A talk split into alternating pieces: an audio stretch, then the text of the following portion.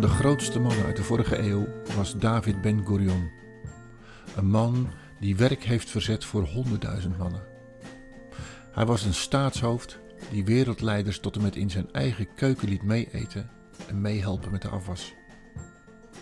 Ben Gurion. De geschiedenis heeft vele namen voortgebracht die hun sporen hebben achtergelaten. Nelson Mandela, Moeder Teresa, Albert Einstein, Martin Luther King en vele namen die wellicht in jouw hoofd ook bovenkomen. Ik heb in mijn leven vaak geadviseerd gekregen om vooral biografieën te lezen van die mensen. Het geeft inzicht in het leven en volharding. Het verbreedt mijn horizon en helpt mij om mijn doel in de gaten te houden. Een van die mannen die mij geïnspireerd heeft is David Ben-Gurion, de grondlegger van de staat Israël in 1948. Hij staat in mijn rijtje van bovengenoemde helden. In mijn ogen is hij als een soort Mozes geweest in zijn exodus uit Polen naar het beloofde land Israël, toen nog Palestina. Geboren in 1886 in Pinsk als zesde kind, zoon van Scheindal en Avigdor Green. En wat nu Polen is, was toen onderdeel van Rusland. Op zijn tiende verjaardag gebeurde er in Oostenrijk iets wat invloed had op alle Joden wereldwijd. Een Weens dagblad had een van zijn verslaggevers, de in Budapest geboren Theodor Herzl, naar Parijs gezonden om te schrijven over een spionagezaak, waarbij een Joods officier, Dreyfus, betrokken was. Herzl, die zelf Jood was, had voordien nooit veel belangstelling gehad voor het sionisme. Maar toen hij zich in de zaak Dreyfus verdiepte en daarmee met het antisemitisme werd geconfronteerd, schreef hij een politieke brochure, De Joodse Staat. Hij zette daar uiteen dat er pas een eind zou komen aan de Jodenvervolging in Europa als grote massa's Europese Joden een nieuw eigen land kregen, waarin zij zich konden vestigen. Onder het motto: Wanneer gij het wilt, is het geen droom. Het is geen succesverhaal als het gaat om de start die David Green, die naam had hij in Rusland, in Israël had. In de moerasgronden wroeten, tegelijkertijd een geweer in de aanslag. Vele vrienden heeft hij daar zien sneuvelen. Ondertussen ook politieke aspiraties ontwikkelen, omdat het uiteindelijk ook op onderhandelingen moest neerkomen.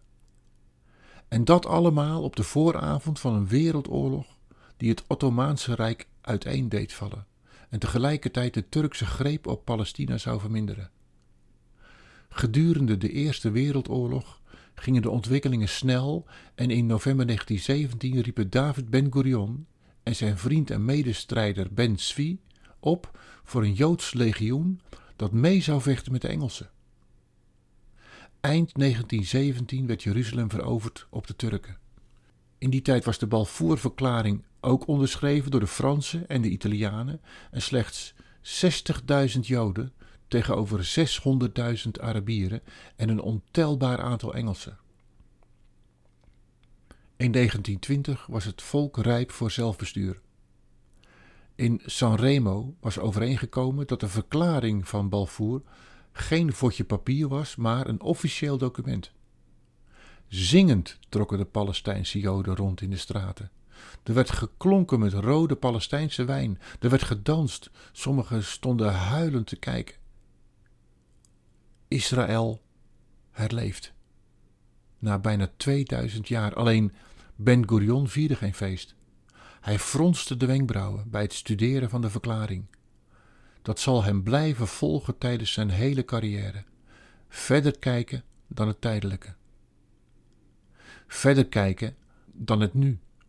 Keuzes maken die rekening hielden met de lange termijn. Moordaanslagen, terrorisme-dreigingen waren aan de orde van de dag. Ook in Europa werd de situatie steeds minder gunstig en ondertussen teisterden de moordlustige en roofzieke Arabieren het land en alles wees erop dat het niet op zou houden. In alles bleef Ben Gurion staan met de visie: wij zullen ons niet verlagen door een Arabier naar het leven te staan, alleen omdat hij Arabier is. Wij wensen ons niet te wreken op Arabieren, die zelf geen terreurdaden hebben gepleegd. Wij wijzen alleen die weerzinwekkende terroristische tactiek af. En dan, en we staan aan de vooravond van de donkerste periode van de 20e eeuw, de vervolging, de Shoah en de vele concentratiekampen. Het heeft een enorm litteken in de wereld getrokken. In 1945 stierf Franklin D. Roosevelt. Hitler en Goebbels pleegden zelfmoord. Mussolini werd gevangen genomen en gedood. De eerste en de tweede en de derde atoombom werden tot ontploffing gebracht. En er kwam een einde aan de Tweede Wereldoorlog. Voor Ben Gurion was 1945 een jaar dat hij zich om andere reden zou herinneren. De vele vijanden die rondom Israël waren, hadden maar één doel voor ogen: de Joden en de Fransen uit het Midden-Oosten verjagen. Tegen de klippen op groeide de Joodse bevolking, maar ook de onderlinge verschillen werden groter. Niet alleen de vijand van buitenaf was een dreiging, maar ook de uitholling van binnenuit. De manier van oorlog voeren, de manier van politiek bedrijven, op alle vlakken had hij te maken met tegenstand en tot overmaat van ramp werd ook zijn aanstaande schoonzoon vermoord. Midden in deze oorlog wordt dan de onafhankelijkheidsverklaring geschreven en de laatste zin begint dan vertrouwend op de Almachtige. Niet alleen de aanloop naar een zelfstandige staat, maar ook een feest en een nieuwe oorlog zou hiermee uitbreken. Op de vooravond van de Sabbat, de vijfde Iyar, 5708, de veertiende dag van mei 1948, werd in 17 minuten de verklaring voorgelezen. De nieuwe staat was geboren en de stichting een feit.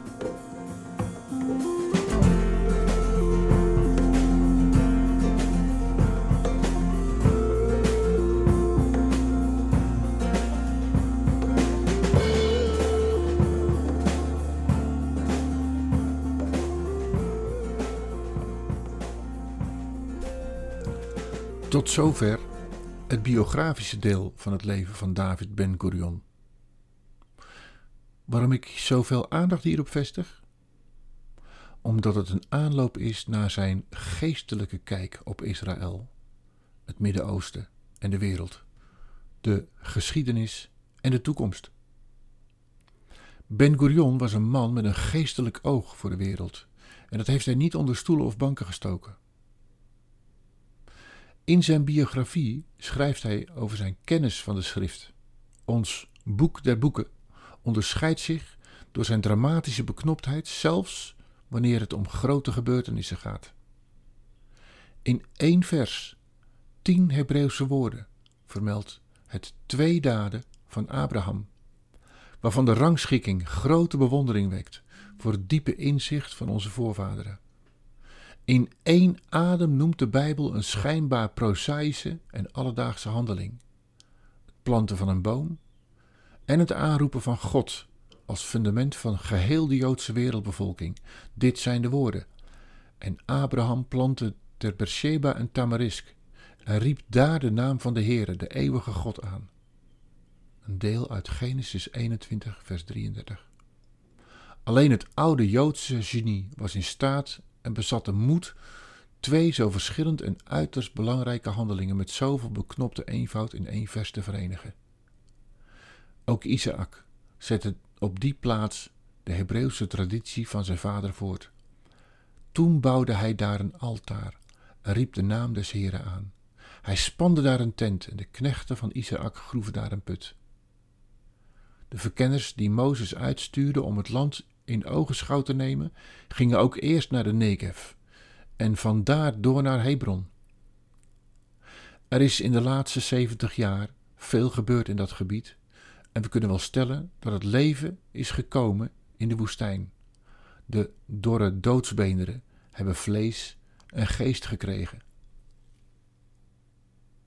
Op de berg Masada is een tekst gevonden tijdens de herontdekking van die berg in de jaren 50 met een verwijzing naar de tekst uit Ezekiel 37, waar staat: Toen zei God tegen mij, mensenkind, deze beenderen zijn heel het huis van Israël. Zie, ze zeggen: Onze beenderen zijn verdord en onze hoop is vergaan. We zijn afgesneden. Mensenkind, profeteer daarom en zeg tegen hen: Zo zegt de Heere, Heere. Zie, ik zal uw graven openen en ik zal u uit uw graven doen oprijzen, mijn volk, en ik zal u brengen naar het land Israël. Dan zult u weten dat ik de Heere ben. Als ik uw graven open en als ik uit u uit uw graven doe oprijzen, mijn volk, ik zal mijn geest in u geven. U zult tot leven komen en ik zal u in het land zetten. Dan zult u weten dat ik, de Heer, dit gesproken en gedaan heb. Zo spreekt de Heer. Deze teksten en veel meer hebben Ben Gurion tot inspiratie gebracht en zijn ogen geopend voor datgene wat anderen hebben laten liggen: de woestijn. Nooit hebben de profeten zich bij de onvruchtbaarheid van de Negev neergelegd. Om kennis van de Bijbel hoog te houden, organiseerde Ben Gurion jaarlijks wedstrijden, waarbij met name de jeugd gestimuleerd werd om in de Bijbel te gaan zoeken naar de antwoorden op vragen die hij stelde. Mensen zaten avonden gekluisterd aan de radio, zoals wij nu gekluisterd zitten aan de tv, om de talentenshows te begluren.